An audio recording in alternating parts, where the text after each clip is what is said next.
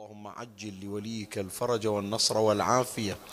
وانصره نصرا عزيزا وافتح له فتحا يسيرا وهب له من لدنك سلطانا نصيرا.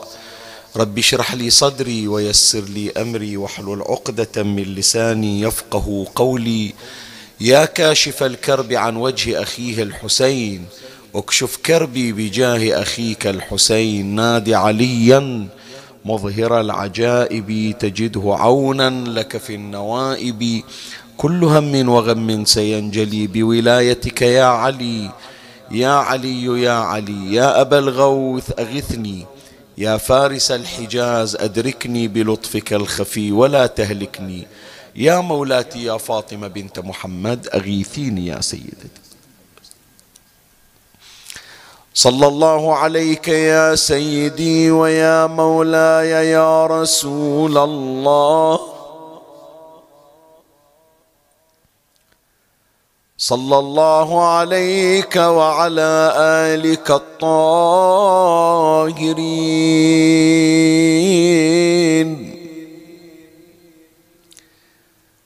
فاز من اعتصم بكم وأمن من لجأ إليكم. يا ليتنا كنا معكم سادتي فنفوز فوزا. عظيما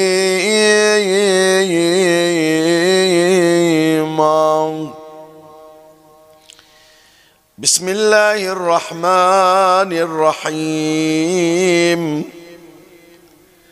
اللهم صل على محمد وآل محمد وعجل فرجهم. واغنني ووسع علي في رزقك. ولا تفتني بالنظر. واعزني ولا تبتلني بالكبر. واغنني ووسع علي في رزقك ولا تفتني بالنظر واعزني ولا تبتلني بالكبر. وعبدني لك ولا تفسد عبادتي بالعجب. وأجر للناس على يدي الخير ولا تمحقه بالمان.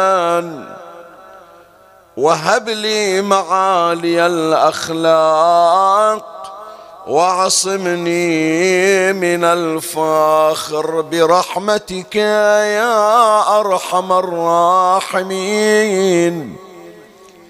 وصل اللهم على سيدنا ونبينا محمد وآله الطاهرين. اللهم صل على محمد وآل محمد. اللهم صل على محمد وآل محمد. اللهم صل على محمد وآل محمد.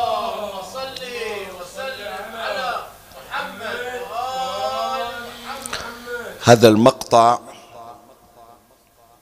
من مقاطع دعاء إمامنا علي بن الحسين زين العابدين سلام الله عليه. وهو الدعاء المعروف بدعاء مكارم الأخلاق ومرضي الأفعال.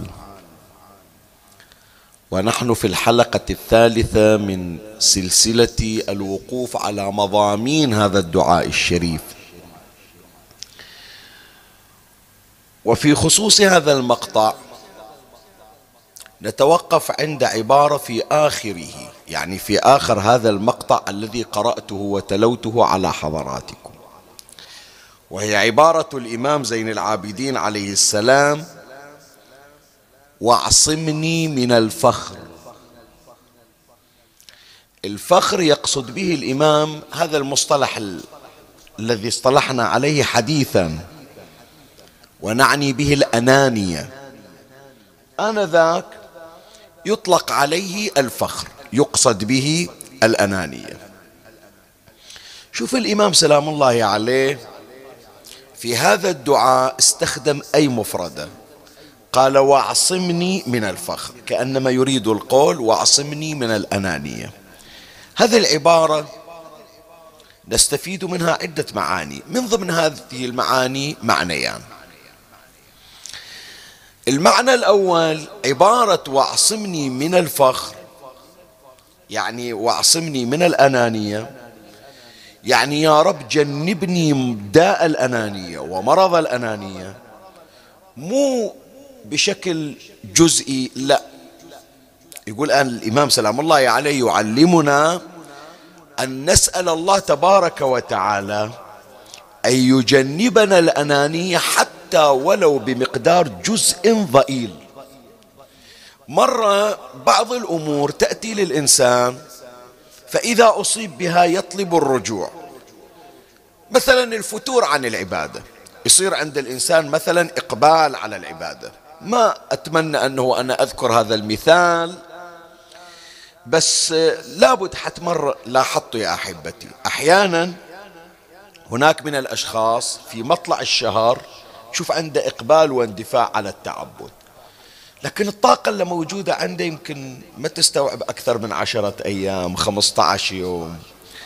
يمكن البعض يوفق إلى ليلة القدر وما بعد ليلة القدر وخصوصا العشر الأواخر. وهذا لابد من التأكيد عليه. العشر الأواخر فيها من المكافآت والجوائز لعلك ما لا تلقاه فيما قبله.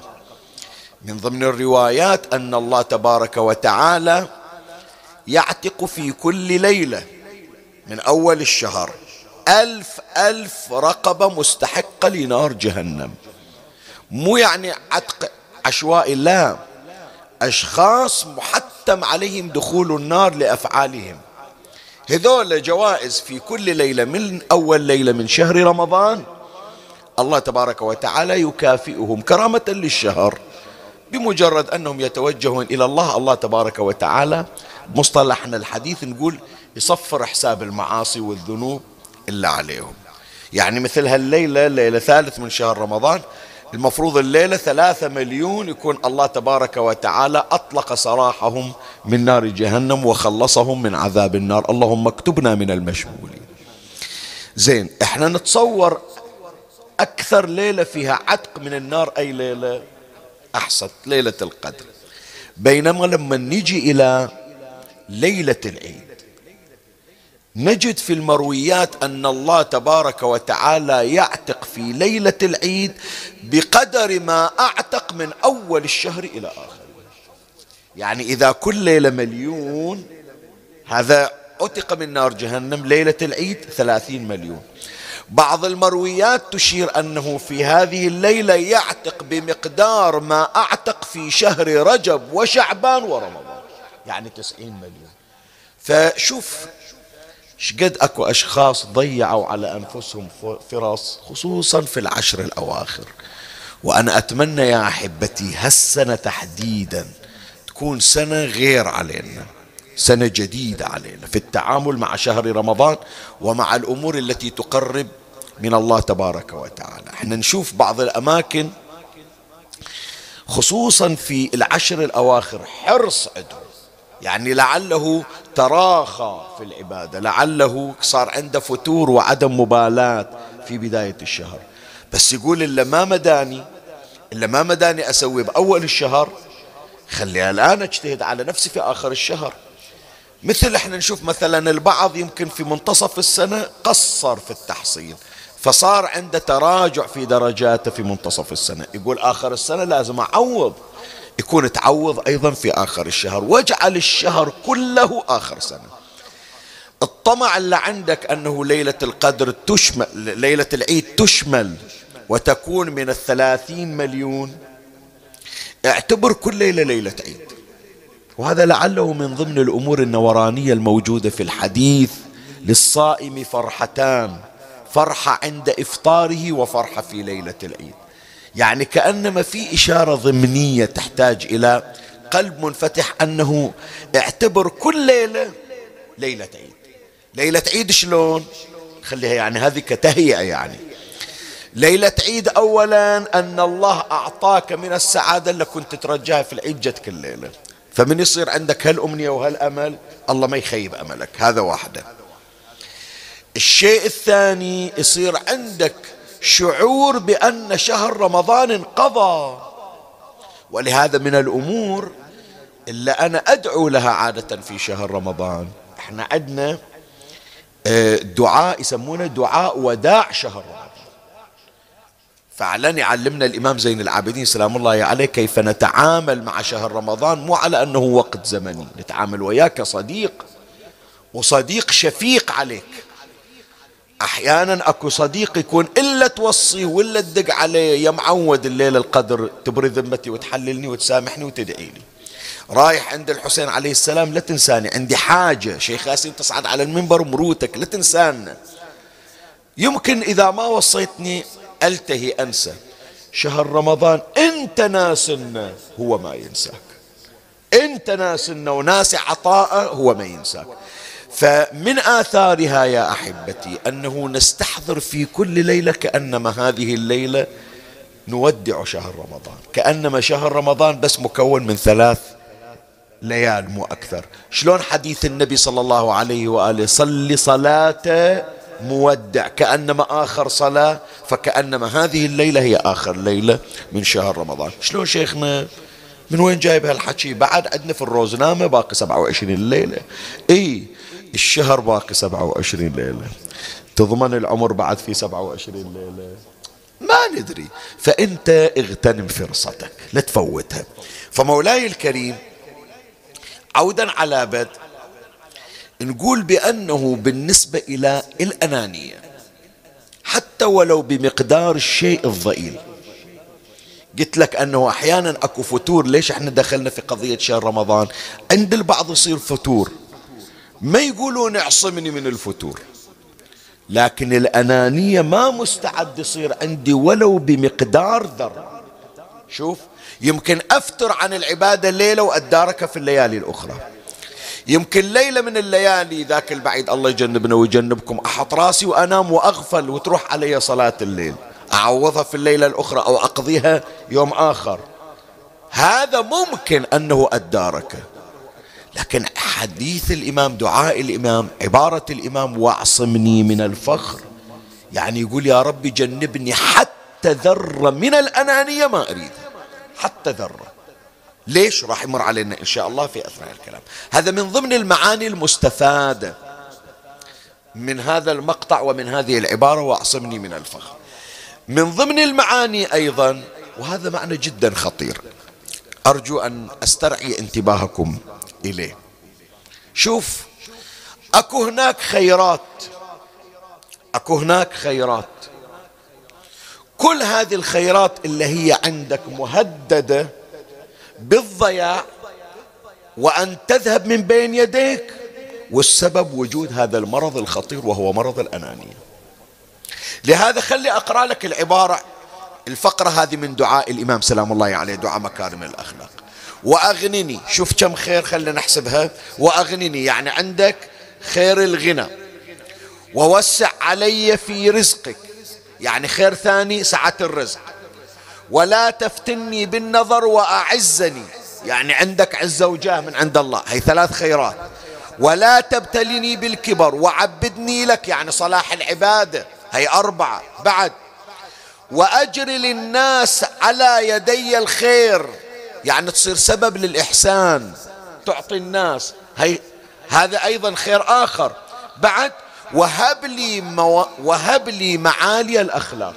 يعني الأخلاق اللي موجودة عند الأولياء والصلحاء هي كلها عندي. كل هالخيرات مرض واحد يجي والمستجار بالله يروح كل هذه الأخلاق. كل هذه الخيرات. الأخلاق اللي حصلتها اللي تعبت على نفسك الله سويتها. العبادة اللي تتعب على نفسك صلاة الليل وصلاة جعفر ما تفوتها. الغنى سعة الرزق كل هذه مرض الأنانية والمستجار بالله اللي يفكر بس في نفسه وفي ذاته ويبتلى بهذا الداء يروح من عنده كل هذه الخيرات. فلهذا الإمام سلام الله عليه يقول وأعصمني من الفخر. يعني يا ربي حتى ذرة أنانية ما أريد هج عندي أخاف كل هالخيرات اللي تصير عندي كلها تروح. وهذا يوقفنا للحديث عن خطورة هذا المرض.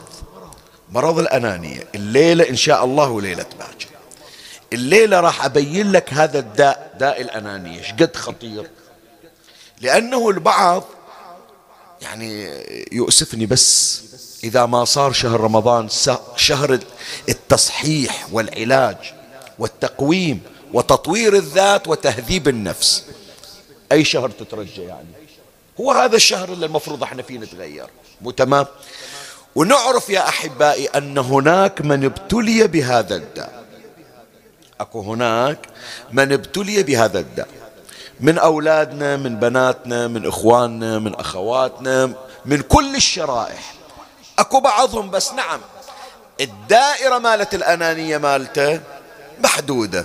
يعني منو يعرف أنها أنا أن هذا الشخص أناني أو هذه البنت أنانية؟ أنانية ببيتهم أنانية ويا ربعها ويا زملائها. أناني هو ويا جماعته ويا أصدقاء الباقي ما يدرون عنه. لكن المرض موجود. هذا خلى الليلة يركز في هذا الحديث حتى يعرف بأن هالمرض اللي يقول لا والله أنا طبعي طبعي أنا ما أحب إلا روحي ما لي علاقة بالآخرين. الليلة إن شاء الله نتمنى أنه من خلال نورانية هذا المجلس تتغير النظرة تماما ونصحح من من أخلاقنا وسلوكياتنا. وراح أبين لك كيف أن هذا المرض من أخطر الأمراض. الليلة فقط أتحدث لك عن مرض الأنانية داء الأنانية. ليلة غد إن شاء الله نشوف أهل البيت عليهم السلام ماذا وضعوا لنا من علاجات لهذا المرض. فهذا تمهيد ومقدمة لحديث هذه الليلة ومن الله أستمد العون والتوفيق ومن مولاي أبي الفضل العباس المدد وألتمس منكم الدعاء وهذه الليلة ليلة الجمعة. نهدي لأمواتنا نهدي للمنسيين ممن لا يذكره ذاكر ولا يترحم عليه مترحم. ونذكر إمامنا صاحب العصر والزمان عجل الله فرجه الشريف. فالليله أريد من عندكم أكلف عليكم بس هذه الليلة دعائنا اللهم أدخل على أهل القبور السرور. فأريد من عندكم ثلاث مرات الصلوات للإمام ونقرأ الفاتحة للموتى فقبل ذكر الموتى بالفاتحة نهدي لإمامنا الحجة الصلاة على محمد وآل محمد ثلاثة. اللهم صل على محمد وآل محمد اللهم صل على محمد. اللهم صل على محمد.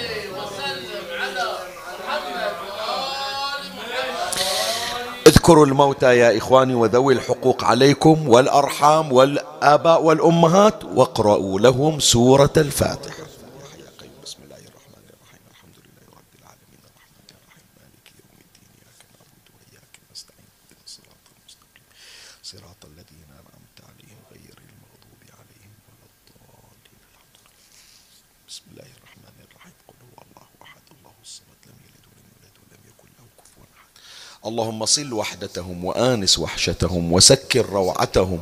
خفف اللهم عنهم ثقل الثرى واغفر لنا ولهم يوم يقوم الحساب. شيخنا ليش هذا المرض بالذات اللي تحكي عنه؟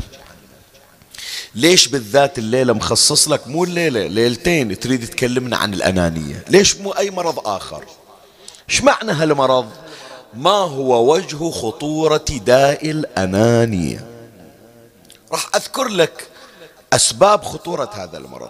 أول خطر وهو أكثر الأخطار شراسة وفتكا. أن مرض الأنانية وداء الأنانية يعرض الإنسان المؤمن إلى الكفر والخروج من الدين. إيه؟ ليش أنا أقول الليلة لازم هذا المجلس نحطه في أولويات قائمتنا؟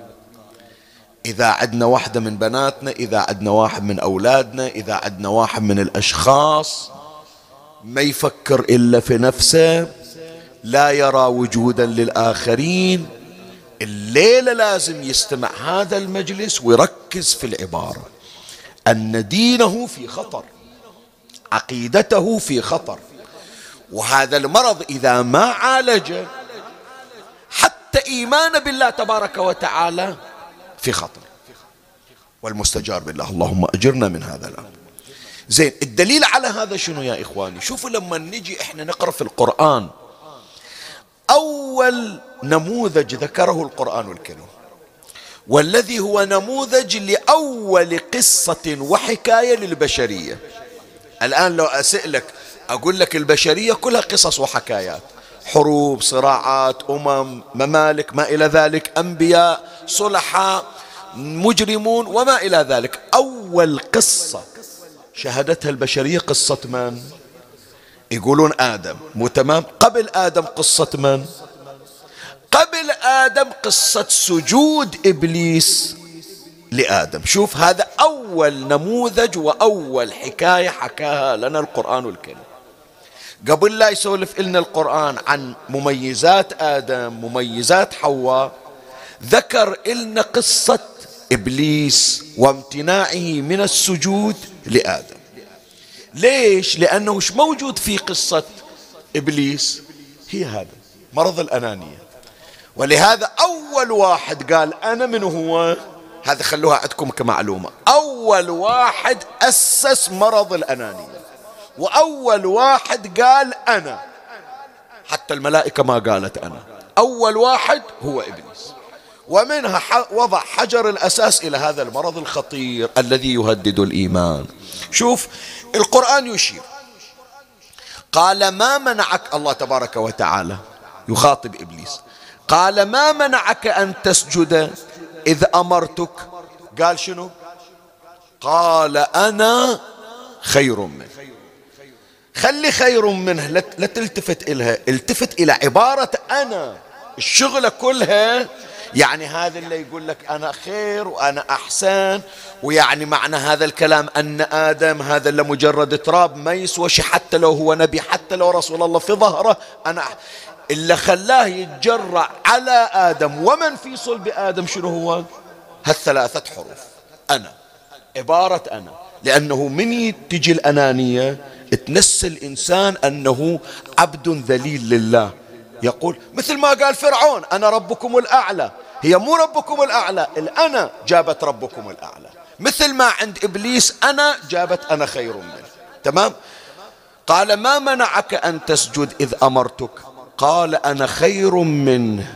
خلقتني من نار وخلقته من طين. زين يوم أصيب بها البلاء يوم إبليس أصيب بمرض وداء الأنانية قال له خلاص كفرت. مع العلم أنت مصلي صلاة ما واحد صلى مثلك. لكن هالصلاة ما نفعتك كفرت. هذه الثلاثة حروف خلتك تطلع من الدين. الألف والنون والألف خلتك تطلع من الإيمان. فلهذا جاءه النداء قال فاهبط منها فما يكون لك أن تتكبر فيها. شنو يعني فما يكون لك أن تتكبر فيها؟ شنو يعني؟ يعني صلاة الليل ما تنفعك قراءة القرآن ما تنفعك حجك زيارتك ما تنفعك كل اللي عندك ويا الأنانية ما تنفعك. إحنا هذه يا أحبتي إذا جبنا القضية مو جايبينها للتسلية إحنا. وحط بالك شوف أنا إيش أهيئ لك لأني الآن راح أبين لك شيء يقول لك أمير المؤمنين سلام الله عليه. أمير المؤمنين قال كلمة جدا خطيرة. يعني إلى هذا الشخص المتكبر المغرور المصاب بداء الأنانية ياخذ أمير المؤمنين بيده ويهزه مثل ما هز باب خيبر. شلون هزت علي؟ يا قالع الباب الذي عن هزه عجزت أكف أربعون وأربع. هزت علي بن أبي طالب إلى باب خيبر يهزنا فيها إلى كل واحد. أناني ينظر إلى ذاته وينظر إلى نعم نفسه دون الآخر. ولا يرى للآخرين أي اعتبار. شوف مولاي الكريم الله يقول له لإبليس يقول له صح أنت صليت صلاة لكن الجنة ما يدخلها واحد وعنده ذرة من الكبر وذرة من الأنانية. فيوم أنت ابتليت بهذا الداء صلاتك ما تفيدك فصلاتك ما إلها أي قيمة. انزل ما نريدك بالجنة الجنة مكتوبة للذي خلا قلبه من الكبر ومن الأنانية. فلهذا قال الله عز وجل قال فاهبط منها فما يكون لك أن تتكبر فيها فاخرج إنك من الصاغرين. وشوف العبارة شلون واحدة منها طردوه. يعني هذه كلها بس تتأمل فيها. واحدة منها طردوه من الجنة. مو بس طردوه واحد يطردونه ويوقف على الباب. لين يوقف على الباب يمكن في احتمال الرجوع. لا. شوف الأنانية شو تسوي. ويا الخروج هبوط. يعني حتى ما تستاهل أنك تصير ويا أهل الجنة في طبقة واحدة أفقية. أنت في أدنى مستوى عمودي إلى الأسفل. بعد الله سماه صاغري من الصاغرين. إن شاء الله مثل ما تفكر نفسك أنت خير منه مثل ما قلت. لا حتى لو عندك ميزة ذيك الميزة راحت. حتى لو عندك فضيلة ذيك الفضيلة راحت. حتى لو عندك شيء من المواهب ذيك المواهب راحت. فيلي عندك هذا الداء دير بالك. حتى لو انت الآن تصلي حتى لو انت الآن متدين حتى لو انت الآن ملتزم حتى لو انت الآن تتنافس في الختمات. اليوم اللي يمر خمس وست خت... خمس وست أجزاء تختم. ما يخلص الأسبوع إلا خاتم القرآن وداخل في ختمة ثانية. إذا موجود عندك تعالي وترفع وما تشوف إلا نفسك ترى قرآنك ما يفيدك. يفيد غيرك لكن ما يفيدك أنت لأنك وضعت قفل على قلبك. لا يجتمع ذكر الله عز وجل مع الأنانية والتعالي والتكبر. فمن هنا الآن أذكر كلمة أمير المؤمنين إلا أقول لك تهز وتخرع. أمير المؤمنين سلام الله عليه من يجيب قضية إبليس؟ شوف شلون يفرزها إلنا أمير المؤمنين. يقول فاعتبروا. يحكي ويا شيخ ياسين يحكي ويا الحجي يحكي ويا القاعدين ويا اللي يسمعون فاعتبروا بما كان من فعل إبليس. إذ أحبط عمله الطويل وجهده الجهيد وكان قد عبد الله ستة آلاف سنة. خلي أعيد العبارة خلي أعيد العبارة. فاعتبروا بما كان من فعل إبليس إذ أحبط عمله الطويل وجهده الجهيد وكان قد عبد عبد الله ستة آلاف سنة. لا يدرى أمن سني الدنيا أم من سني الآخرة. عن كبر ساعة واحدة. هذا مو الصلاة ستة آلاف سنة سجدة من الصلاة ستة آلاف سنة. زين عن كبر ساعة واحدة. فمن ذا بعد إبليس يسلم على الله بمثل معصيته؟ هذا الآن اللي أقول لك الكلمة اللي حط بالك إلها. كلا ما كان الله سبحانه ليدخل الجنة بشرا بأمر أخرج منه ملكا. الله أكبر. ملكا عفوا. ما كلا ما كان الله سبحانه ليدخل الجنة بشرا بأمر أخرج منه ملكا. يعني إذا تقول زين هذاك إلا إبليس إحنا مو إبليس إحنا إلا بشار. هو منو أحسن؟ المفروض اللي نقي من الذنوب والمعاصي منه؟ الإنسان لو الملك. الملك الملك خالي. يعني إبليس قبل هالمعصية ما عنده ذنوب ومعاصي. فأنت تقول أنا لا ما نمعني أمير المؤمنين يقول مدام نفس المرض اللي في إبليس وصل عندك ما يفيدك. هو حجر حجر. هو عزل عزل. هو هذا التلقيح. بتاخذه بتاخذه. لا تقول والله أنا ما أنا محسوب أنا غير أنا كذا. مدام نفس المرض نفس الفيروس اللي أصيب به إبليس أصبت به يجري الحكم عليكما. كلا ما كان الله سبحانه ليدخل الجنة بشرا بأمر قد بأمر أخرج منه ملكا إن حكمه في أهل السماء والأرض لواحد وما بين الله وبين أحد من خلقه هواد. مثل ما نقول إحنا بأمثالنا راسك ما عليه ريشة. تقبلها على إبليس ما تقبلها على نفسك وإنت صاير إبليس ثاني. وما بين الله وبين أحد من خلقه هواد في إباحة حما حرمه على العالم. إيه؟ فيا إخواني ديروا بالكم. واحدة من الأمور اللي يمكن تطلع الإنسان من الدين الأنانية والتعالي والكبر. لا تقول لي أنا الآن أصلي وأحضر بالمأتم. لا ما دام هذا البلاء موجود في القلب تترك المأتم وتترك المسجد وتترك الصلاة وتترك الدين بكبره. وأنا ما أدري ذاكر لكم لو لا حتما ذاكر بالمجلس بس أعيدها لأنها تخدم المطلب. شوف تطبيق هذه الفكرة أن الأنانية تخرج الإنسان من الدين. آية الله السيد محمد رضا القلبيقاني أعلى الله مقامه. هذا كان في وقت من الأوقات بعد رحيل. آية الله السيد أبي القاسم الخوئي. كان السيد محمد رضا القلبيقاني زعيم الحوزة العلمية. يعني زعامة الحوزة العلمية صارت من بعد السيد الخوئي إلى السيد محمد رضا القلبيقاني. سيد محمد رضا القلبيقاني سولفوا له بأنه واحد من أصدقاء الدراسة من أول ما ابتدى السيد يدرس أكو واحد صديقة صاير في مرض الموت وفي لحظاته الأخيرة. فالسيد محمد رضا قال أنا راح أروح إليه أزوره وأعوده. إجا سيد محمد رضا إلى هذا العالم أقول لك عالم عالم. عالم عالم. لكن تعال شوف هذا العالم وين وصل. وشوف المرض شي هالمرض هذا مرض الأنانية شي يسوي فالسيد محمد رضا يقول بيقاني اجى قعد يم هذا الزميل زميل الدراسة ويقول له مولانا إن شاء الله راح الطيب إن شاء الله فالك فال السلامة إن شاء الله هذه عناء يذهب وأجر يبقى وجاي يعوده ويسلي. وهو معرض عنه بوجهه. يقول له ليش ما تحكي وياي؟ قال تحكي أحكي وياك تريد من عندي أحكي وياك؟ قال إيه أقول لك إن شاء الله الله يشافيك.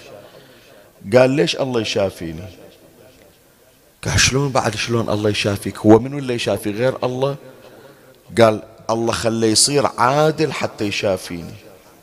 شايف واحد ظالم يشافي؟ قال منو الظالم؟ قال الله الظالم استغفر الله ربي واتوب. وهو على فراش الموت قال الله ظالم؟ قال الله ظالم. ظالم من منو قال ظالمني أنا.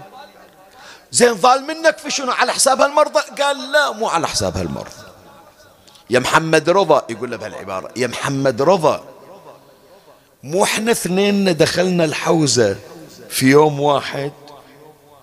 قال إيه إحنا اجينا في يوم واحد ودخلنا الحوزة في يوم واحد وحضرنا دروس واحدة. قال زين منو أكثر واحد حفظا واجتهادا أنا لو أنت قال لا الصراحة أنا أقول لك أنت أذكى من عندي أنت أنبه من عندي أنت عقلك يستوعب المطلب قبل لا أستوعبه أنا. قال زين. فإذا إحنا دارسين علم واحد وأنا أذكى من عندك. ليش أنت تصير مرجع ديني وأنا ما أصير مرجع ديني؟ وليش أنت تصير زعيم حوزة علمي؟ هذا متى يحكي؟ بيموت وبعدها يفكر. شوف الأنانية شو تسوي؟ ليش انت تصير زعيم حوزة علمية وأنا ما قال له اذكر الله استغفر الله. هذا إبليس جاي الآن إليك يريد يحرفك عن دينك. لأن عندنا إحنا في الروايات يا إخواني أنه في لحظة الاحتضار من موارد الافتتان والابتلاء أن إبليس يحضر في تلك الساعة. يصاب المحتضر بالعطش. زين ويعجز أن يقول لمن حوله إني عطشان فيجي له الشيطان ويشيل له كاس الماء يقول له أنا أعطيك الماء بس أكفر بالله. أكفر بالله أعطيك ماء تشرب. شوف شلون. فيقول له استغفر الله اتق الله هذا الشيطان جاي يوسوس إليك قال له أبدا. السيد يوم حس بأنه ما يريد يسمع كلامه إيش سوى. شاف مصحف القرآن شال القرآن قال له مولانا اخذ القرآن اقرأ قرآن. يمكن شوية هذه أوجاع المرض اللي خلتك الآن ما تلتفت إيش قاعد تقول أنت؟ ترى الآن على أعتاب الكفر. دير بالك اقرأ قرآن حتى تستغفر الله حتى الله يمسح على قلبك. صعب أنه أقول فأخذ القرآن وتفل فيه. وفارق الحياة على تلك الحالة. شو اللي جيب إلى هالحالة هذه؟ أحسنت هذا اللي نقوله. الأنانية ليش أنت تصير وأنا ما أصير؟ ترى لا تقول والله أنا عاص مني المأتم وعاص مني المسجد وعاص مني القرآن وعاص مني الصوم وعاص مني الصلاة. لا مع وجود هذا البلاء ستة آلاف سنة سجدة إبليس ما عصمته يوم كان عنده مرض الأنانية. في الليلة أي واحد يعرف بأنه مبتلى يشتغل على نفسه حفاظا على دينه حفاظا على عقيدته حفاظا على إيمانه. زين.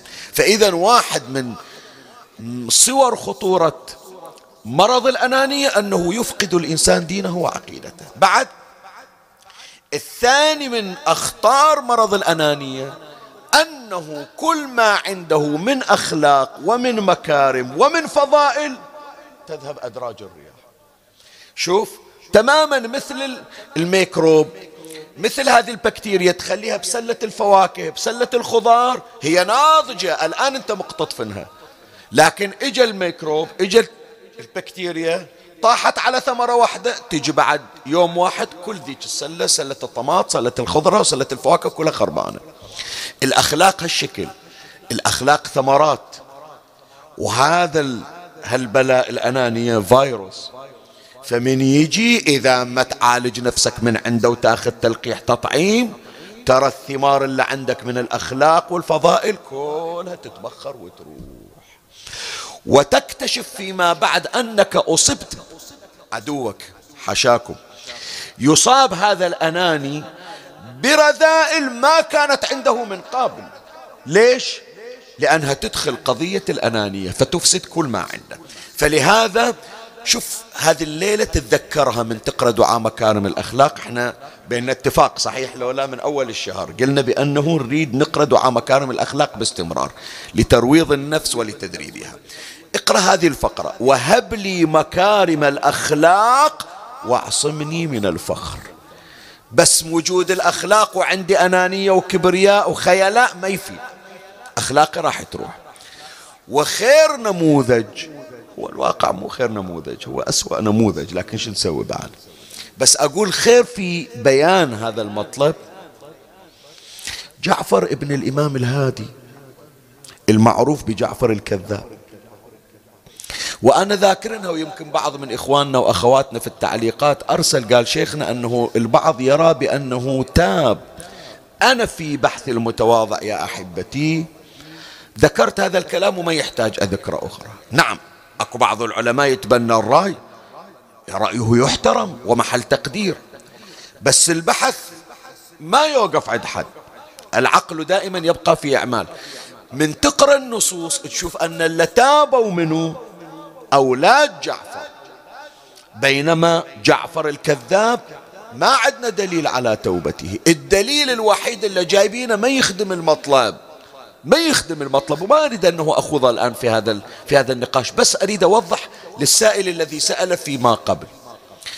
جعفر مع الروايات التي وردت عن رسول الله صلى الله عليه وآله. بتسمية الإمام الصادق بالصادق لأنه سيظهر من أولاده من ينتحل الإمامة وذاك اسم الكاذب يعني جعفر الكذاب مو شيخ ياسين ولا غيره اللي سماه رسول الله صلى الله عليه وآله اللي سماه قضية مو بس قضية والله صدر من عنده موقف أو لا. لا النبي مثل ما سمى الإمام جعفر بالصادق سمى هذا الشخص كنقيض بالكذاب. وإذا بعضهم يعني الدافع ماله شوي ما يخالف عطني ولو ثلاثين ثانية. البعض يقول لا يمكن ما أرضاها. واحد من أهل البيت يطلع بهالصورة هذه. يمكن المحرك لنفي الأدلة شنو هو؟ العاطفة. زين خلك من جعفر. هو بس جعفر؟ أولاد الإمام الصادق مو عنده ولد من أولاده وهو محمد سعى في هلاك وفي قتل أخيه الإمام موسى الكاظم. أولاد الإمام الكاظم نفسهم مو وقفوا. العباس بن الإمام موسى ابن جعفر مو وقف ويا الإمام الرضا واحتكم عند القاضي وأمر بإحضار زوجة أبيه أم أحمد وأمر بكشف وجهها في المجلس. هي مي واحدة ولا ثنتين ولا ثلاث. وما يمنع هذا يعني لا تتصور أن هذا قدح في أهل البيت. حتى تتصور بأن علي بن أبي طالب في منتهى الكمال. إذا ما يطلع من أولاد علي بن أبي طالب واحد عنده شيء. هذا القرآن ذكر إن في قضية نوح مع ولده كنعان. إنه عمل شنو؟ غير صالح ما إلى رب. من خدشت عدالة نوح؟ وما قل قدره؟ وعلى أية حال هذا حديث يطول مو موضع مجرد إثارة ليس إلا. جعفر طمع في الإمامة. عقب رحيل الإمام العسكري عليه السلام طمع في الإمامة. ليش أخوي إمام؟ أنا مو إمام. بعضهم يقول بأن جعفر أكبر سنا من الإمام سلام الله عليه. يعني. لأنه البعض يقول بأنه أكبر الأولاد هو جعفر من أولاد الإمام الهادي. ثم يأتي سيد محمد ثم يأتي الإمام العسكري ثم يأتي الحسين ابن الإمام العسكري. بعضهم يشير إلى هذا الترتيب. فهو صار بباله ليش أخويا صار إمام؟ أنا ما صرت ليش الناس تطلع من بلدانها وتجي الأخويا تقبل إيده؟ أنا ما حد يمر علي باب بيتي. فلهذا شوف الرذائل من إجت عند الأنانية. سوى أشياء من وراء الأنانية ما مسوينها من قبل. أول شيء سوى راح إلى المعتمد العباسي. قال له كل سنة أنا راح أجيب لك مئة ألف درهم. شوف مئة ألف درهم مش كثر؟ قال له ليش تجيب لي مئة ألف؟ قال بس أريد من عندك تدعم إمامتي. تشيع بين الناس بأنه عقب الحسن العسكري جعفر ابن الإمام الهادي هو الإمام. وأنا من عندي راح أدفع لك فلوس. بس توقف وياي. المعتمد العباسي قال له شوف أخوك قد ما حاولنا أنه نطفي أنواره كل يوم نسوي له مشكلة وطلايب الله يزيد نوره ظهورا إذا أنت إمام ما منقدر نسلب الإمامة من عندك. وإذا ما أنت إمام مو المعتمد لو الدنيا كلها تريد تخليك إمام ما تصير إمام. فعمي روح. فأول أول رذيلة حصلها ادعى الإمامة. ولا رزل به مثل ما يقول العراقي إلا أهان منه مو واحد من عائلته. الرأس الأكبر الحاكم. فأول شيء صار. قال له زين الإمامة ما بتعطيني إياها. أعطني شيء ثاني غير الإمامة. شنو أعطيك يعني؟ غير الإمامة شتري قال أشتغل عندك جاسوس. غير أنت تدور على ولد أخويا المهدي أنا راح أدور إليك وإذا ما تريد واحد من جلاوستك يدخل في بيوت أخويا الحسن أنا أفتش بيت أخي الحسن حتى أطلع لك فصار في رذيلة ثانية. اشتغل جاسوس عند الدولة العباسية. حتى وصل به الأمر إلى أنه رؤي يشرب الخمر في قارب في نهر دجلة. والإمام سلام الله عليه الإمام الحجة في رسالته آه، إلى أحد سفرائه أخبر قال وأما عمي فإنه قد شرب فإنه قد ترك الصلاة يزعم بأنه يريد الشعوذة. وإجت روايات تشير إلى أنه شارب الخمر. من وين إجت هالرذائل يا إخواني؟ جاسوس يشرب خمر يدعي الإمامة يقدم رشاوي من أجل الإمام. من وين؟ كلها بسبب هالثلاثة حروف الألف والنون والألف. الأنانية الداء الذي ابتلى, ابتلى به إبليس. فإذا ثاني خطر من أخطار الأنانية أنه حتى لو عندك أخلاق حسنة يا البعيد الأنانية حتى ما عندك من أخلاق وفضائل تسلبه زين. الخطر الثالث الذي تسببه الأنانية أنها تورث والمستجار بالله خاتمة السوء. إيه؟ هذا الأناني هذا المتكبر هذا لما يفكر إلا بس في نفسه ما يطلع على خاتمة خير.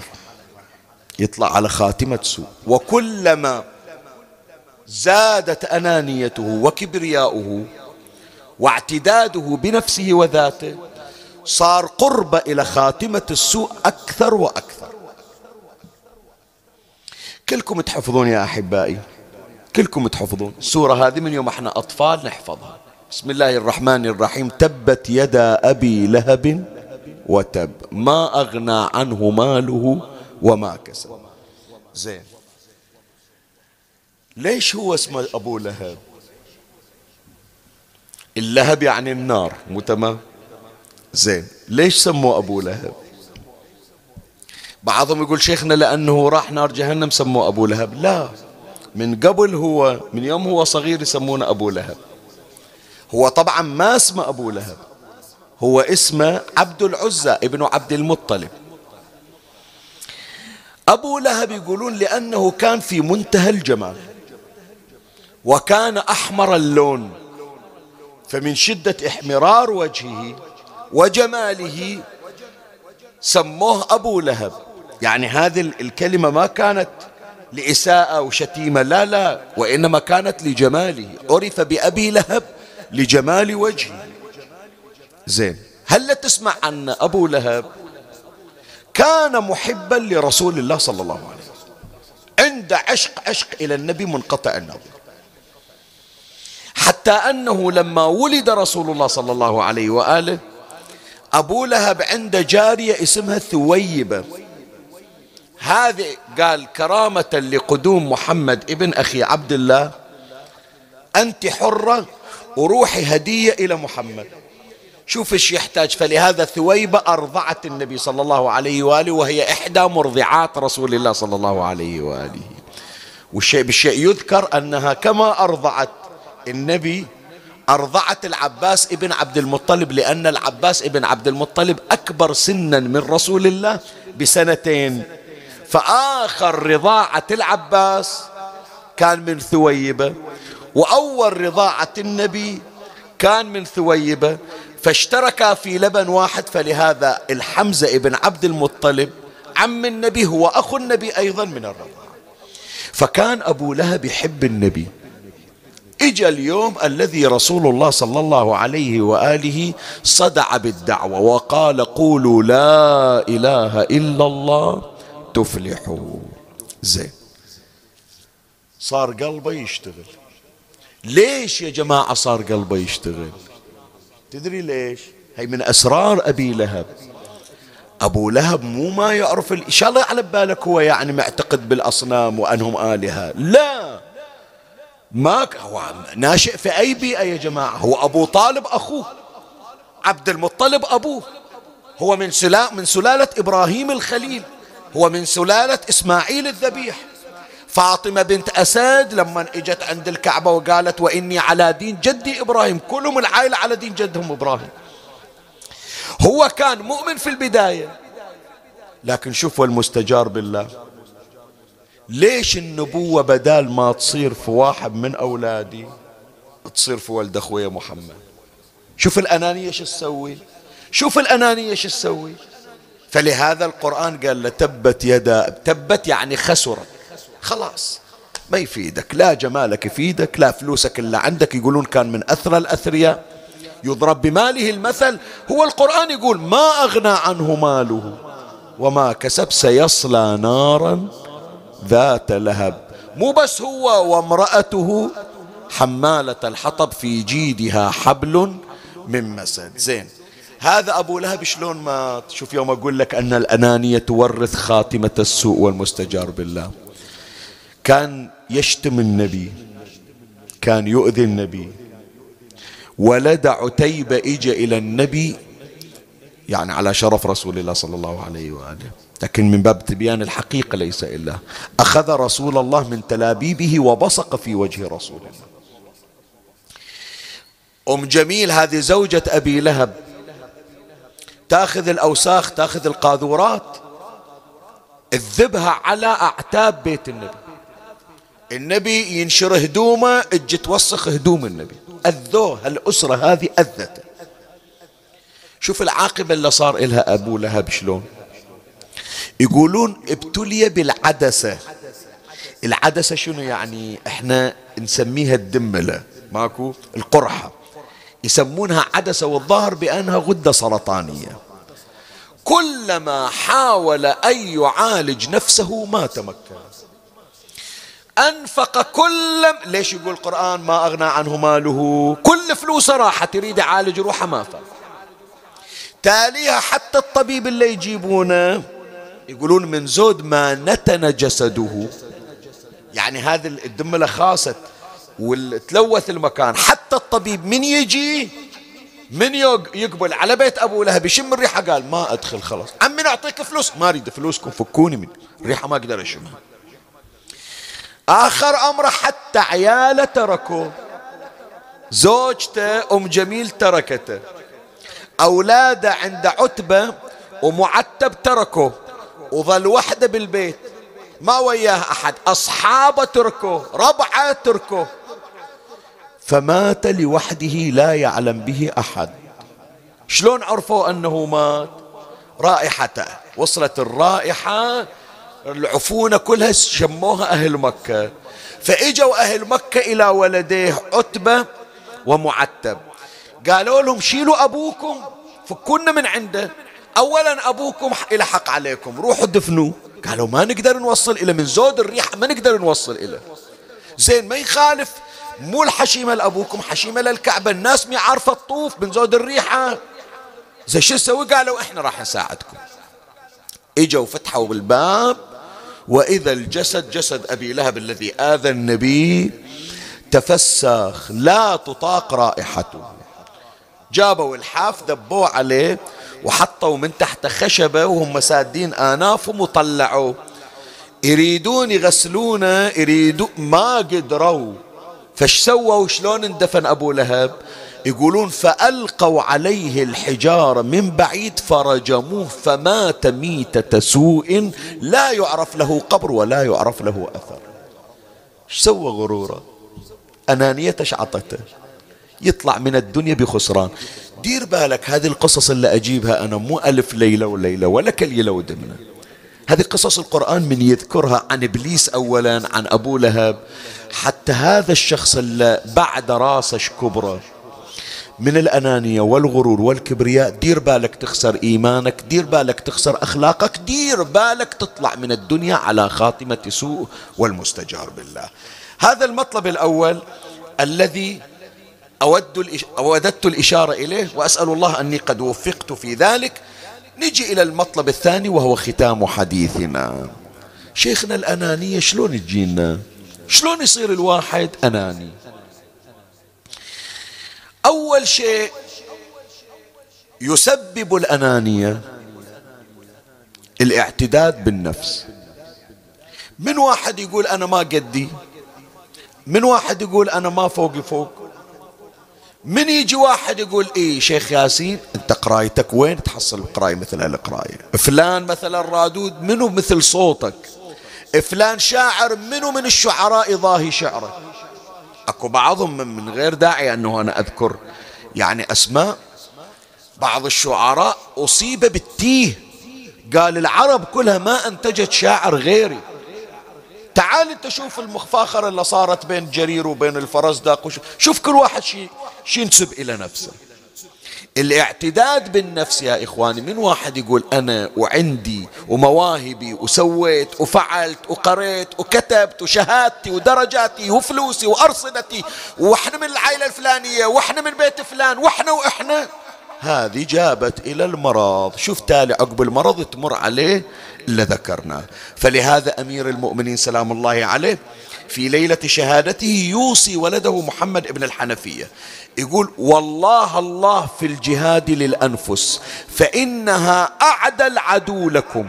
فإنه قال الله تبارك وتعالى إن النفس لأمارة بالسوء إلا ما رحم ربي. اسمع قال وإن أول المعاصي تصديق النفس والركوع.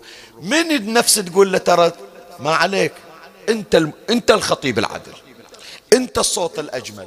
انت أنت هذه جاية جرة إلى الهاوية والمستجار بالله. فإذا أول تكوين الأنانية من الاعتداد بالنفس. الثاني الذي يسبب الأنانية. الآن هو يقول نفس ما حد فوقي ما حد قدي. يروح إلى مرتبة ثانية. تاليها ما يقول هذه نفس. إن شاء الله بيقول هذه نفس حالها حل نفوس البشر. لا. يقول هذه مي نفس هذه رب. هذه رب لازم يعبد شنو الله شنو قرآن شنو محمد شنو علي. لا لا. هل عندي هي الرب. هذا اللي أشار إلى القرآن. أرأيت من اتخذ إلهه أحسن؟ شنو؟ هذه بس فكر فيها. مو تفكر في الهوى. فكر أنه جعل النفس والهوى في مقام الألوهية والربوبية. شايف؟ شوف الجنون وين يوصله. فلهذا بعض الشعراء غريب يعني من كفرش قال؟ والله ما أدري. يقول جربت ألف عبادة وعبادة. اسمع. يقول صليت. صليت صلاة الليل. صليت نوافل. قريت قرآن. كل العبادة جربتها. جربت ألف عبادة وعبادة فرأيت أفضلها عبادة ذاتي. أحسن من أني أعبد روحي ماكو لا صلاة ولا الله ولا محمد ولا علي. شو تقول؟ إيش فادته الصلاة ما أدري. زين هذا اثنين من الذي يسبب الأنانية تقديس الذات وأن تجعل نفسك كالآلهة. إلا تريد نفسك إن شاء الله. فلهذا الليلة هذه وإحنا في شهر رمضان يا إخواني مو كل شيء نفسك تطمح إلى تقول لها إن شاء الله. علل النفس بالقنوع وإلا طلبت منك فوق ما يكفيها. ما ترضى النفس ما ترضى. النفس ما تقول وصلت بس ما تقول تكفيني 500 دينار راتب وبس. ما تقول تكفيني السيارة موديل 2020 خلاص كافي. كل يوم تريد ولا تشبع. وبالتالي أنت تنسى الله والقرآن وتشوف نفسك شو تريد وتنفذ رغباتها فإذا هذا الأمر الثاني الذي يستجلب الأنانية تحويل النفس والذات إلى قيمة مقدسة. زين شوف هذه النفس والمستجار بالله. إذا أصيبت بالأنانية تصير عنصر شر لإيذاء الآخرين أعوذ بالله. عنصر شر لإيذاء الآخرين كل رذيلة تصير فيها. حتى لو ما كان موجود عند هذه الرذائل. من دخل هذا الفيروس؟ شايف انت الآن هذا الكوفيد 19 شو يحجون عنه؟ هو فيروس صغير شوف شو يسوي. يدمر العظام يدمر الجهاز التنفسي يدمر جاب هذيك هالأمراض؟ ما كانت عند الرب وما كان عنده. بس هالفيروس جرها اليه فيروس الأنانية يأتي بكل رذيلة. يقولون الحجاج ابن يوسف الثقفي خل... نختم يعني خلنا شوي نطلع من أجواء الزجر والنهي. الحجاج بن يوسف الثقفي جاب اثنين. سمع عن واحد منهم أن أناني ما يحب إلا نفسه. فقال خلي بشوف هالأنانية شو تسوي فيهم. قال شوفوا أي واحد منكم يطلب حاجة أعطيها إيش تطلب؟ إلا تريد. تريد فلوس أعطيك فلوس. تريد قصر أعطيك قصر. تريد جارية أعطيك جارية. إلا تريد أعطيك. بس بشرط اللي يطلب حاجة أعطي صاحبه الضعف دبل. تبغى قصر بعطيك قصر. صاحبك ياخذ قصرين. تبغى جارية أعطيك الجارية. اللي تريد. صاحبك ياخذ جاريتين. تبغى خيل أعطيك. وهكذا. هذا الأناني قام يحك بلحيته. قال له ها تريد؟ قال إي والله أريد. شو تريد آمر؟ قال أريدك تاخذ مسمار وتبط عيني. أبط عيونك؟ قال إيه بعطيك قال ما أبغى فلوس ولا أبغى قصور ولا أبغى شيء. زين ليش عاد؟ قال غير أنت إذا أعطيتني شيء بتعطي صاحبي الدبل خلها تروح من عندي عين. وصاحبي تعمي عيون الثنتين. إيه ليش عاد؟ ليش عاد؟ خذ اللي يكفيك ولا عليك من صاحبك. قال لا. المشكلة أنه إذا صاحبي أخذ أكثر من عندي لو شنو تعطيني؟ ما أرتاح. ما أرتاح ولا أتهنى فرضا أعطيتني ألف دينار وعنده ألفين دينار هالألف الدينار مثل الجمرة على قلبه هذا القصر اللي بتعطيني إياه إذا عنده قصرين كني مو في قصر في قبر مو في قصر. فانت بط عيني بضحي بعين بس أتونس إذا شفته أعمى ما يشوف. شوف الأنانية شو تسوي. فلهذا يقول أمير المؤمنين هذه واحدة من رذائل من رذائل الأنانية أنها تأتي بالحسد. يقول أمير المؤمنين سلام الله عليه الحاسد لا يشفيه إلا زوال النعمة. ما يفيده ما يفيده خلاص. أول تروح النعمة يا الله يبرد قلبه ذيك الساعة. بعد من رذائل الأنانية شوف شو تسوي؟ أن هذا الأناني يتتبع عثرات الآخرين. يشوف أخطائهم شنو. غير هو ما يحب إلا نفسه؟ مثلا خلني أقول لك.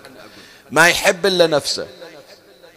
وجايب درجة خلنا نقول مثلا 90% يسمع عن واحد جايب 98% ومحصل شهادة دكتوراه إيه شهادة دكتوراه مشترينها ما تسمعون عن الشهايد اللي يشترونها. هذا لو ما الواسطة كان ما نجحوا. زين ويروح ما يشتغل لروحه لمنفعة نفسه. يروح يدور وين أكو سقطة وأكو زلة وين أكو غلط. ليش؟ يصير همه فقط الإضرار بالآخرين. ولهذا يقول رسول الله صلى الله عليه وآله لا تتتبعوا عثر لا تتتبعوا عورات المؤمنين فإنه من تتبع عورات المؤمنين تتبع الله عورته ومن تتبع الله عورته فضحه ولو في جوف بيته.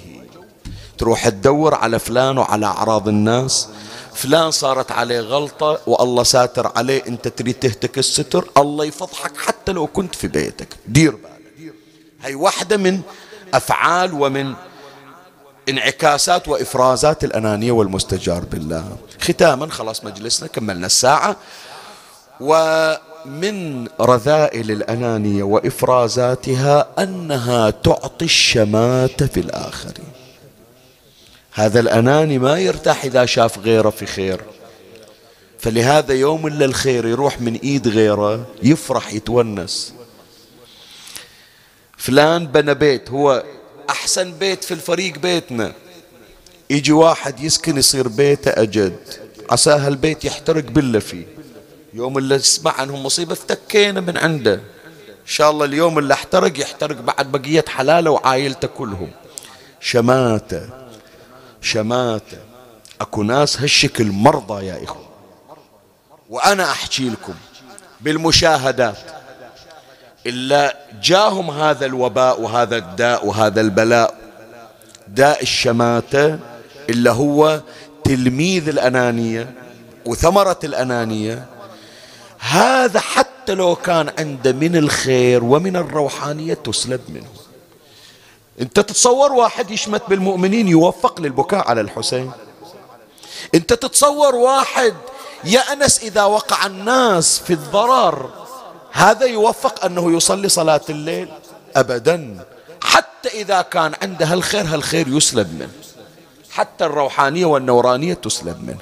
فلهذا يقول رسول الله صلى الله عليه وآله لا تظهر الشماتة بأخيك. فيرحمه الله ويبتليك. دير بالك.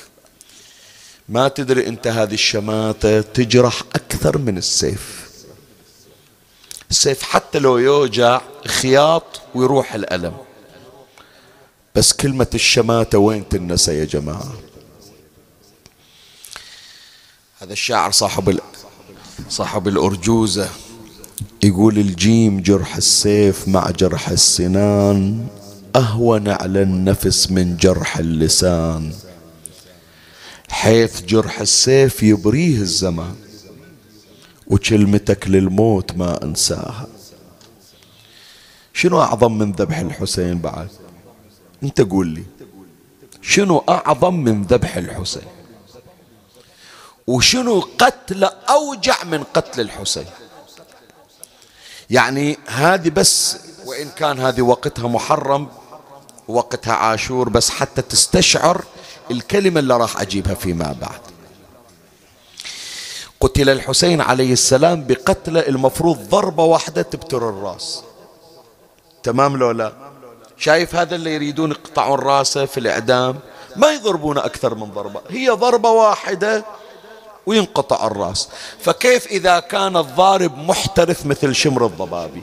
فمع ذلك رأس الحسين ما ينقطع إلا بإثني عشر ضربة ليش؟ المفروض هي ضربة وتقطع الرأس. بس هو ترى ما كان يضرب على الرأس. كان يريد يعذب الحسين عليه السلام. فلهذا إحدى عشر ضربة كانت طعنات في حلق الحسين. ثم الضربة الأخيرة هي التي فصلت رأسه الشريف عن جسده المقدس. زين أعظم من هالمصيبة موجود بعد؟ أنت قول أعظم من هالمصيبة هم موجود؟ رأس يعذب في قطعه وبتره هم موجود؟ ويا ريت هالراس ارتاح عقب القطع. زين قطعتوا الراس علقتونا على الرمح خلاص تركوه. لا يلقى تلقى عليه الحجارة يرجم بالصخور يضرب بالسياط بعض الروايات هذا حامل الراس. يسمع الحسين يقرأ القرآن وهو على رأس الرمح. يقول له اسكت اسكت اسكت لا تقرأ قرآن أذيتنا ما تموت أنت. فيقول له فرقت بين رأسي وبدني فرق الله بين لحمك وعظمك. شي يسوي هو؟ ينزل الراس من على الرمح ويأخذ الصوت ويضرب رأس الحسين بالصوت. غير خيزران غير تكسير أسنان غير ما صنعته أم هجام شوف الرأس وما جرى عليه. لكن يؤثر عن الإمام زين العابدين عليه السلام. يقولون له يا ابن رسول الله أي المصائب أعظم عليكم؟ أي مصيبة أكثر؟ يعني مصيبة الذبح مصيبة السهم مصيبة الحجار مصيبة الخيل أي المصائب؟ شوف الإمام زين العابدين ما جاب ذكر كربلاء. القتل لهم عادة وكرام. هي زينب تقول ما رأيت إلا جميلة إلا تشوف الأمر جميل. زينب شلون يشوفها زين العابدين؟ فمي مصيبة ذبح الحسين. لكن تدري المصيبة اللي قالها زين العابدين؟ قال الشام الشام. ثلاث مرات بعضهم يقول كررها الشام. ليش سيدي؟ ليش؟ ليش خليت أبو فاضل؟ ليش خليت علي الأكبر؟ ليش خليت عبد الله الرضيع؟ ليش خليت الحسين؟ قال لأن فيها شماتة الأعداء. يجون يوقفون قدامنا الحمد لله الذي قتلكم وأراح البلاد من أحدوثتكم شنو من كلمات موجعة على قلوب بنات رسول الله؟ أسألك الدعاء. أطلب حاجتك. أريد أقرأ لك هالمصيبة أوديك الليلة إلى مولاتي زينب. تدري من الذي كان متكفلا بسبي العائلة؟ زجر بن قيس. زجر بن قيس آذى بنات رسول الله أكثر من شمر. هذه أول مرة أنا أقولها بحياتي. شوف كما كان شمر للحسين كان زجر لزينب. احفظها وخليها ببالك. إذا تقدرون يا بناتي إلا تلخصون تسجلون الكلمة حطوها وخلوا الناس تتأمل فيها. كما كان شمر للحسين كان زجر لزينب. إيش سوى شمر بالحسين؟ شوف زجر إيش سوى بزينب؟ واحدة من الأمور التي آذى بها قلب الحوراء رؤوس أولاد النبي ورأس الحسين قدام الضعينة. وزجر بن قيس رايح جاي على النياق على الركب على السبي. فيوم مر زجر ابن قيس على بنات رسول الله واجتاز ناقة الحوراء زينب. مولاتي زينب أشرفت عليه. الله أكبر. هاي الما تحكي ويا أحد. الزمن خلاها تحكي ويا واحد. شوف الزمن شو يسوي. نادت مولاتي. زاج. قال بلى يا خارجية. اشتردي. قالت يا زجر نحي الراس عن المحامل لينشغل الناس بالنظر إليه. سامحوني يا جماعة تأذي الحكاية يعني أكثر من أبيات نعي. فلقد خزينا من كثرة النظر إلينا. من يجون يتفرجون على الراس يشوفون رقية شلون تبكي يشوفون سكينة شلون تنحب يشوفون زينب وأم كلثوم. فأنت أريد من عندك بس هذا الرأس ويا الرؤوس وخرهم؟ بعدهم عن النياق. حتى الناس توقف تطالع بالروس ينشغلون عنا نحافظ على سترنا يعني. يقول لها إن شاء الله شوف إيش راح أسوي. عز على الغيارة.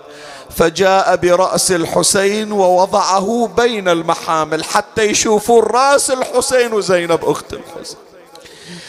ومولاتي زينب تنادي يا هلالا يا هلالا لما استتم كمالا غاله خسفه فأبدى غروبا. ما توهمت يا شقيق فؤادي. كان هذا مقدرا مكتوبة. البيت أول مرة أقرأ بس كنت تعطي حقه. صاحت متوني متوني متوني أنادي على الضعن تاني. متوني متوني وحشم يا هلي وهلي ما إجوا. أنا أنا أنا أنا أحشم يا هلي وأهلي. متوني متوني دلحقون الشمر والرام. متوني متوني بقد ما قمت أدافع عن رقيه إيه بقد ما قمت ادافع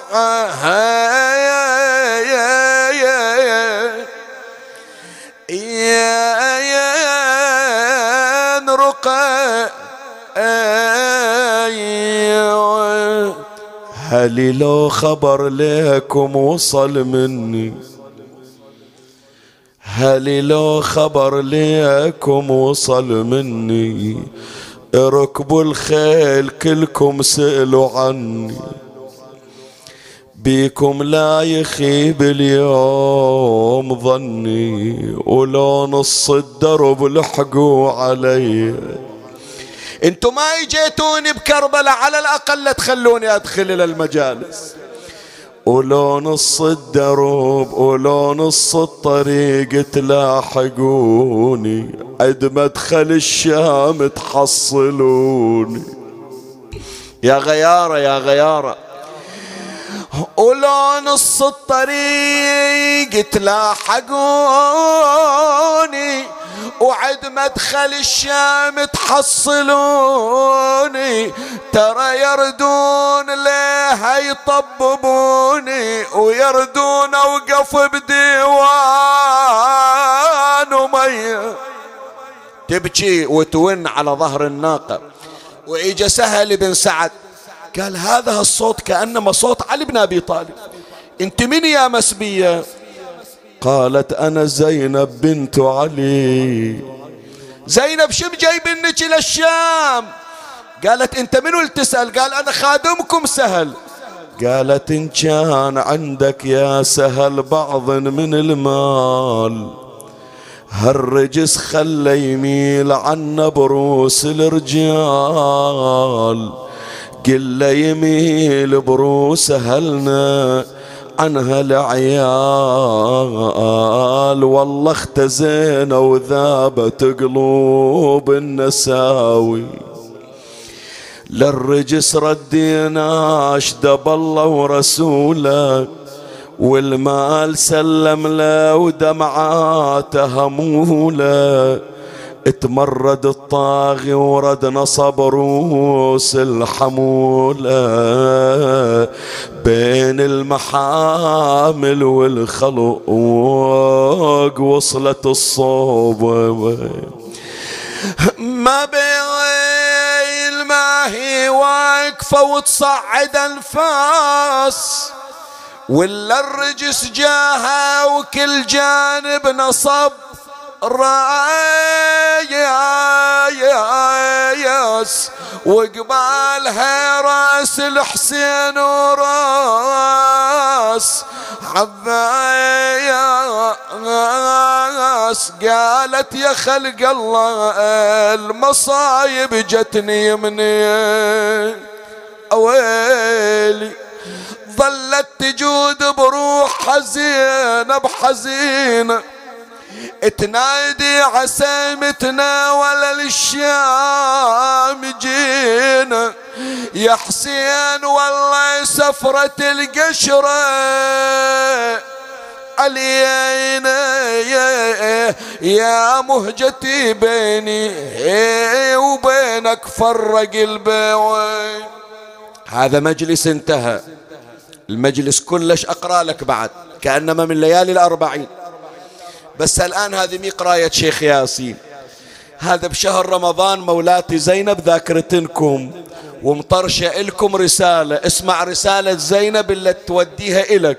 ودوا لشيعتنا خبر عن ضيم حالي وضيعتي. بالشام آيا بلوتي.